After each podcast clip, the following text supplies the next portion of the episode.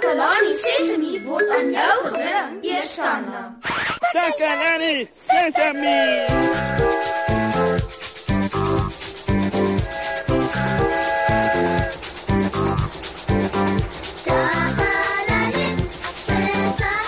Hallo almal, baie welkom by Takalani Sesemi. Vandag het ons vir julle 'n baie spesiale verrassing. Tannie Marie kom weer vir ons 'n storie vertel. Ooh, ek is so opgewonde. Tannie Marie vertel altyd die wonderlikste stories. Ek wonder of julle ook iemand in julle familie het wat graag stories vertel, soos jou oupa of ouma of oom of tannie of dalk selfs jou ma of pa. Dan weet jy hoe spesiaal dit is. Die storie wat Tannie Marie vir ons gaan vertel, gaan oor 'n hond. Hm, ek is mal oor honde. Onthou maat, ons moet mooi stil wees terwyl sy vertel. Anders mis ons dalk die belangrikste dele. En jy moet na al die dele van 'n storie luister om dit mooi te verstaan. Tannie Marie was lanklaas hier. So kom ons laat haar lekker tuis voel. O, oh, ek dink ons nou sy. Hallo Moshi. Hallo Tannie Marie. Dankie dat jy tyd gemaak het om vir ons 'n storie te kom vertel. Dis 'n groot plesier Moshi. Sal ek begin? Ja Tannie Marie, ek en al die maats wat oor die radio luister is gereed vir die storie. Uh, vertel asseblief vir ons. Goed. Eendag, lank lank gelede, was daar 'n hond en sy naam was Hond. hond. Sjoe, 'n hond met die naam Hond. Dis interessant. Hy was groot en bruin. Hond was net 'n gewone hond, maar hy het baie van homself gedink. Ek is Hond, die wonderlike. Is hoe hy van homself gepraat het. Hy het gedink hy is te spesiaal om in iemand se agterplaas te bly en om in 'n hondehok te wees of om sommer net hondekos te eet. Nee, hond wou die wêreld sien en 'n nuwe huis kry. Hy was moeg daarvoor dat mense vir hom sorg. Hy wou 'n nuwe huis vind en vir homself sorg. Hy wou in die veld woon soos 'n leeu of 'n dier. So, toe loop hond eendag van die huis af weg. Woef woef. Goodbye, sê hy toe vir al die ander honde in die straat, soos hy by hulle verbystap. Toe hy by die oop veldjie buite die dorp gekom het, het hy tussen die bome ingehardloop. Ek is vry, het hy geblaf. Ek hoef nie in 'n hondehok te woon nie. Ek hoef nie hondekos te eet of water uit 'n bak te drink nie. Nou is ek vry om te doen wat ek wil en 'n nuwe huis te vind. Maar ehm um, hierdie hond, hy het mos reeds 'n huis gehad aan die Marie. Hy het 'n hondehok, water en kos gehad. Dalk gaan hy sukkel so in die veld. Maar ek hou van die storie tot dusver aan die Marie. Uh, wat doen hond toe volgende? Hy het heeldag rondgeloop en almal wat daar gewoon het ontmoet. "Hallo klein meertjie, my naam is Hond. Jy woon in 'n gaatjie in die grond. Dit lyk mooi, maar dit sal te klein wees vir my om in te woon, so ek moet aanbeweeg." "Hallo klein spinnekoppie, jy spin so 'n mooi web. Ek weet nie hoe om 'n web te spin nie, so ek sal nie by jou huis kan woon nie." Hy het nie maar maar hy's nog 'n vreemde hond. Hy is mos, hè. Hond het rondgeloop en homself gate uitgeniet. Toe raak hy honger. Hy het 'n bietjie gras geëet, maar hy spoeg dit toe uit want dit was nie lekker nie. Net voor dit donker word, ontmoet hy vir Ertvark.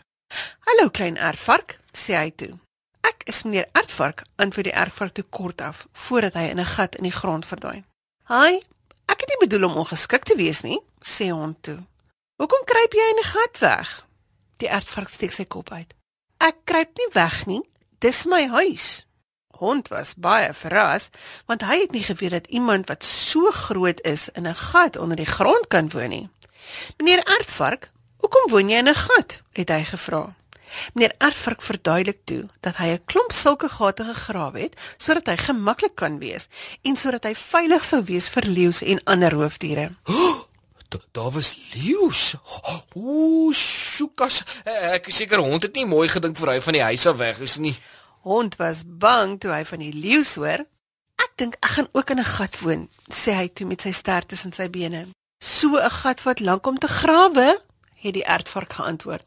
Veral as jy nie sulke skerp kloue soos ek het nie. Dit was besig om donker te raak. Toe nooi hy hond om vir die aand saam met hom in die gat te slaap. Hond het daar ingekruip, maar kan nie aan die slaap raak nie. Daar was nie baie vars lug onder die grond nie en die ertvark het sleg geruik ook. Hond was ongelukkig. Meneer Ertvark het na sy laaste maaltyd 'n klomp mure in die gat ingebring en hulle het aan mekaar vir hond gebyt. Hy het aanhou krap en krap. Meneer Ertvark kon hulle nie voel byt nie, want sy vel was baie taai, maar hond het elke byt gevoel. Hy het nie 'n oog toegemaak nie. Die volgende oggend was hond se lyf styf en seer. Die gat was 'n perfekte huis vir meneer Aardvark wat van leeu's moes wegkruip, maar nie vir hom nie. Gaan huis toe, sê meneer Aardvark toe. Jy het mos reeds 'n hondehok. Ai, konna, 'n hok is nie goed genoeg vir my nie, antwoord hond toe en sit sy reis voort. Ah, so die mure het hom gebyt. Arme hond. Hond het by 'n rivier gekom. Sy hare was vol sand van in die gat slaap en daarom het hy gaan swem. Toe hoor hy: "Hallo daar." Hy het omgedraai en 'n seekoei gesien. "Ons sien nie baie van jou soort hier rond nie," het die seekoei gesê. "Seker nie," het die hond geantwoord. "Maar ek is nie sommer 'n gewone hond nie. Ek het weggeloop om 'n nuwe huis te vind." "Dis mos nou dom," het die seekoei gesê. "Nee, dit is nie," het hond laat hoor. Die seekoe het gelag. Dink jy dan jy sal soos ek in die water kan woon? Hy het weggeswem. Natuurlik kan ek. Hond het saam met die seekoe probeer swem, maar hy was nie daaraan gewoond nie en kon nie byhou nie. Die seekoe het weer gelag. Dink jy jy sal nes ek onder die water kan induik en 'n lang ruk daar bly? Hond het geduik en so lank as wat hy kan onder die water gebly. Die water het by sy neusgate ingegaan en by sy mond. Hy het amper verdrink.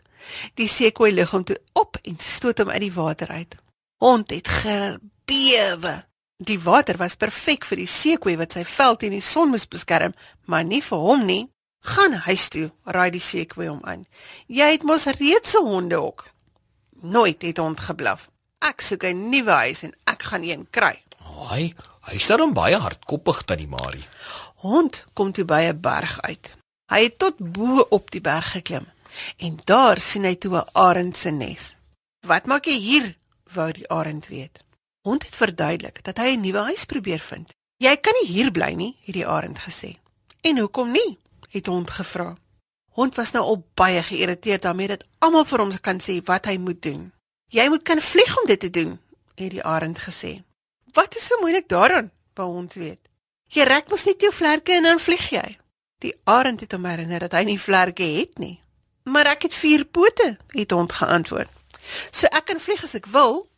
Nou wys my dan, sê die arend toe. En ons spring hoog in die lug, klap met sy pote en probeer vlieg. Maar pardoems, het hy die grond baie hard getref. Hy het in die stof rondgerol en elke spier in sy lyf was seer. O, oh, eina, eina. Ag, sies tog. Die nes bo op die berg was perfek vir die arend, want haar eiers was beskerm omdat sy hoog was, maar dit was nie perfek vir hond nie. "Gaan huis toe," het die arend gesê. "Jy het mos reeds 'n hondehok." "Goed.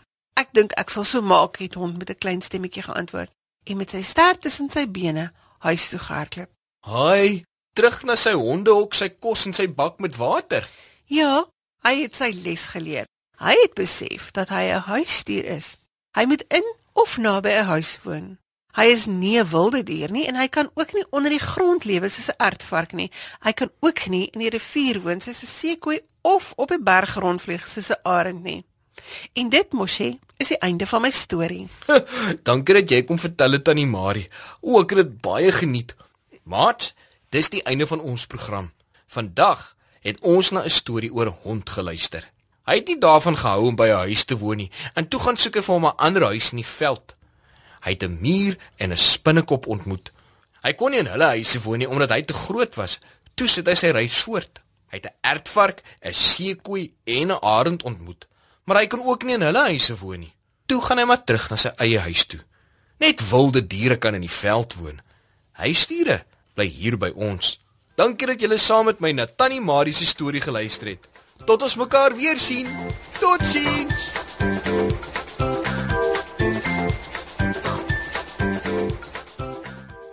Takalani Sesemi is mondelik gemaak deur die ondersteuning van Sanlam. Takalani Sesemi is in pas met die kurrikulum van die departement van basiese opvoeding wat 'n stewige grondslag lê in vroeë kinderopvoeding.